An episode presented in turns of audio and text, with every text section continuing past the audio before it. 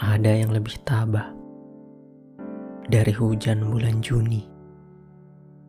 Dirahasiakannya rintik rindunya pada pohon berbunga itu. Tak ada yang lebih bijak dari hujan bulan Juni. Dihapusnya jejak-jejak kakinya yang ragu-ragu di jalan itu.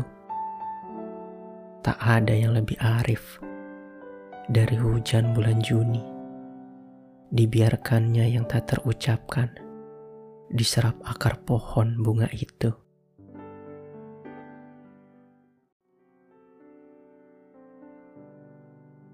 Pada suatu hari nanti, jasadku tak akan ada lagi.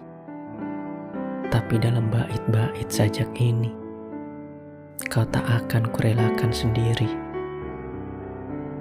Pada suatu hari nanti, Suaraku tak terdengar lagi. Tapi di antara larik-larik sajak ini, kau akan tetap kusiasati. Pada suatu hari nanti, impianku pun tak dikenal lagi. Namun di sela-sela huruf sajak ini, kau tak akan letih-letihnya ku cari.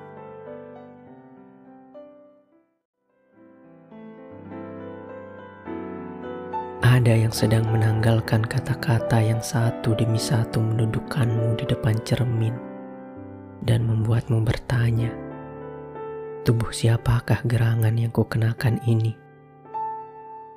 Ada yang sedang diam-diam menulis riwayat hidupmu, menimbang-nimbang hari lahirmu, mereka-reka sebab-sebab kematianmu. Ada yang sedang diam-diam berubah menjadi dirimu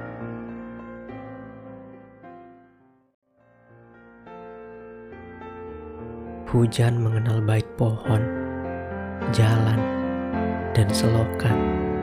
Suaranya bisa dibeda-bedakan. Kau akan mendengarnya meski sudah kau tutup pintu dan jendela. Meskipun sudah kau matikan lampu. Hujan yang tahu benar membeda-bedakan telah jatuh di pohon, jalan, dan selokan menyihirmu agar sama sekali tak sempat mengaduh waktu menangkap wahyu yang harus kau rahasiakan.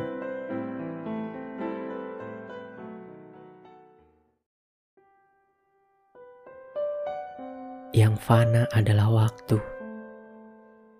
Kita abadi, memungut detik demi detik, merangkainya seperti bunga, sampai pada suatu hari kita lupa untuk apa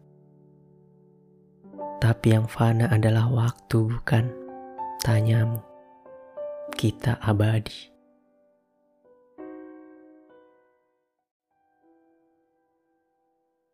Aku ingin mencintaimu dengan sederhana, dengan kata yang tak sempat diucapkan kayu kepada api yang menjadikannya abu.